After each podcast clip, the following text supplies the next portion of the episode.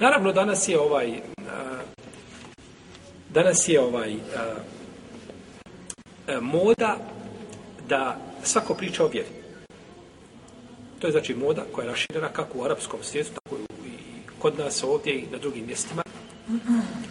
I o vjeri često pričaju ljudi koji su islamski mislioci, dobronamjerni ljudi i sl. tome.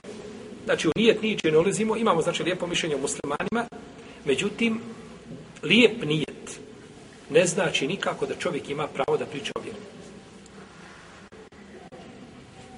Islam, braćo, ima toliko svojih disciplina koji bi čovjek morao bar imati nekakav opći pregled tih disciplina, ako ih ne poznaje u tančine, što je teško, da zna općenito na čemu se to zasniva islam i čime se može dokazivati.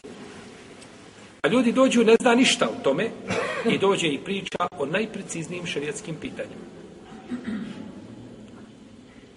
Ima jedno dijelo štampano je u 15 tomova. Fikska pravila. Fikska pravila. Ti koji pričaš o vjeri, gdje mi spomeni jedno? Samo mi jedno spomeni, neću komentar nikakav. Svako fiksko pravilo ima svoj komentar. Ti mi spomeni samo jedno pravilo. Ili spomenut ćemo ti dva pravila fiksko i usulsko. I tada ti razluči koje je fiksko, a koje je usulsko. I na osnovu čega ćeš razlučiti. A šarijet je samo po pravilima. Imaš pravila i kroz jedno pravilo proturiš 30 mesela. Kroz drugo pravilo 50. Kroz treće je hiljadu. Pravila. Kaže, kako pravilo? Otkud pravilo? Pravila koja se izučena iz Kur'ana i Sunneta. I ljudi dođu, znači, kad pričaju o vjeri, cirkus napravi. Cirkus živi napravi od vjere, znači, govore a ne znaju, znači, ni, ni, nikad čuli za to nisu. A ne kažemo, znači, da su prošle i prošle nešto disciplinama, ni to možeš pročitati na bosanskom jeziku, ni tome nešto ima, ili ono što ima, to je sasvim malo i mizerno, to ne može ovaj toliti glad, niti žići. Pa je, kažemo, moda da ljudi pričaju ovdje. I moda je također da pokušava upakovati vjeru da bi se ona mogla kao takva proturiti kroz sva društva. Znači, tako ambalažiraš islam, da kad uđe u Ameriku, Washington, na aerodrom, kad sleti islam, kažu, ehlen, osehlen, budu islam. Ode u Australiju, sleti, ovi dole već napravili ovaj, uh, eh, gozbu, čekaju islam. O, u Njemačku gore, Njemce već ljute se što islam ne dolazi nama. Takav upakovan, tako sa mašnom, lijepo uređen, da se islam, znači, prilagodi društvima. A nikako da se društva prilagode islamu. Pa onda kažu, pogledajte, kažu, jedna od stvari koje nam i e, zapad plaho zamjerio. To nam nikako ne mogu oprostiti, a to je što postoji nešto zove kamenovanju islamu. Hajmo mi da vidimo taj propis. Kakav je taj propis? I prvo šta ti kaže, kaže, o tome nema ništa u Kur'anu. Pa ste dobro. Kad ti čovjek dođe, I ti mu spomeneš propis Islama. I on kaže, vidi, brate, Allah te nagradio, o tome nema ništa u Kur'anu, odma na njega staviš upitnik od glave do pete. I s jedne i s druge strane. Upitnik. On je pod upitnikom velikim. Dok je rekao o tome nema ništa u Kur'anu. Te su riječi po spoljašnosti lijepe, ali to su riječi istinje, s istine sa njima se želi batil. Jeste, nema ništa u Kur'anu, u duhanu, tačno ni u drozi. Tako, droga nije spomenuta u Kur'anu. I nema samo zadovoljavanje ništa u Kur'anu, jasno. I nema, tačno. I kada želi da ti udari na sunnet, kaže, o tome nema ništa u Kur'anu. Te riječi, to koriste novotari. Jer on teži ime želi reći, jeste to što ti sunnetom dokazuješ, ali sunnet sav treba vratiti na Kur'an, nije tačno. Sunnet ne treba, sunnet ne treba vratiti na Kur'an. Jer između sunneta i Kur'ana nema kontradiktornosti. Osim ako je sunnet daif, to je drugo, to, to, to izlazi van okvira ovoga što govorim. Sunnet se sav uskladi sa Kur'anom bez ikakvih poteškoća, vjerodostojan. I sunnet vjerodostojan sam među sobom isto se tako uskladi. To nije spojno. Pa sunnet sudi Kur'anu, a Kur'an ne sudi sunnetu. I ovo je opet problem, problem kod, kod mnogih. Kada kažeš da sunnet sudi Kur'anu, a Kur'an ne sudi sunnetu. Ja, Arab, kaže. Zato što sunnet pojašnjava Kur'an, a Kur'an ne pojašnjava sunnet. Pa je Kur'an došao općenit, pa ga sunnet pojašnjava. Pa mu time sudi u smislu da pojašnjava njegova značenja, a nećeš naći rijeđe osim rijetko, možda slučaj ili dva, da je Kur'an pojasnio sunnet. Pa je Znači, ova skupina ljudi kaže o tome nema ništa u Kur'anu. Hoće ti kazati, to je plaho šupeli što ti govoriš taj propis, to je kranje sporno, to što je, jer Allah o tome ništa objavio nije. I onda tako prilazi. I onda na osnovu toga porekneti Mehdiju. Kaže, nema, nema ga u Kur'anu. Porekneti Deđala, nema ga u Kur'anu. Kako Deđal kaže, toliko iskušenje da dođe ljudima, da ljudi nemaju snage protiv njega i tako dalje, kaže, to, to nije od Allahovog hikmeta na zemlji.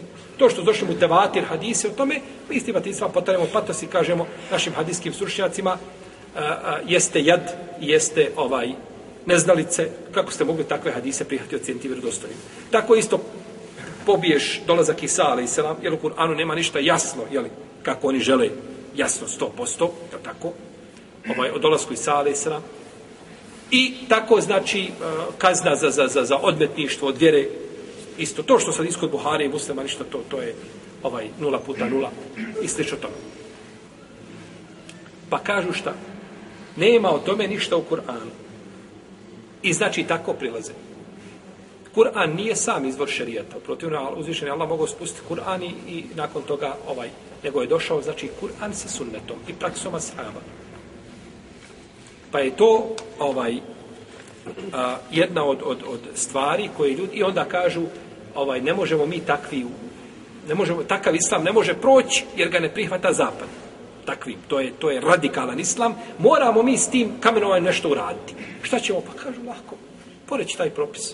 Kako su radile muatezile, jedan dio muatezila i hava, har, haridžije, haridžije kažu nema kamenovanja, jedan dio muatezila. Kažu to je propis koji ne, nema u islamu. Odbace hadisa, tako? I onda se ovi koji se pripisuje u sunnetu povedu za, za tim ovaj, je tako? Za tim uh, novotarima i nakon toga znači pore, poreklo ovaj propis eto da bi mi mogli ipak jer na zapadu nema smrtne kazne al tako i ovaj ili u većini zemalja nema smrtne kazne pa da ne bi znači ovaj zapad zamjerio muslimanima što imaju smrtnu kaznu kažu i to tako tešku smrtnu kaznu kažu da mi to nekako izbjegnemo i jadan je čovjek koji se stidi svoje vjere i koji se stidi onoga što je Allah objavio on je jedan da ne može biti jadnik Jer uzdišen je Allah, a za ođel nije objavio ni jedan propis, a da u njemu nije, znači, apsolutna kori za ljude. Sve što je zabranio, znaj da ti je to šteta. A sve što je propisao i naredio, znaj da je tome korist, taman to za tebe djelovalo teško. Koliko god djelova za tebe teško da u džamiju da klanjaš, to je za tebe korist. I na dunjalku i na ahiretu. Hadž, zekijat, post, sve tako pa je ovaj znači propis kamenovanja potvrđen znači sunnetom poslanika sallallahu alejhi i nije znači jer u tom pogledu ovaj a ništa dokinuto spomenućemo nešto znači da je tome bilo i u Kur'anu naravno ovi što poriču to oni kažu ovaj ne odgovara to ruhu islama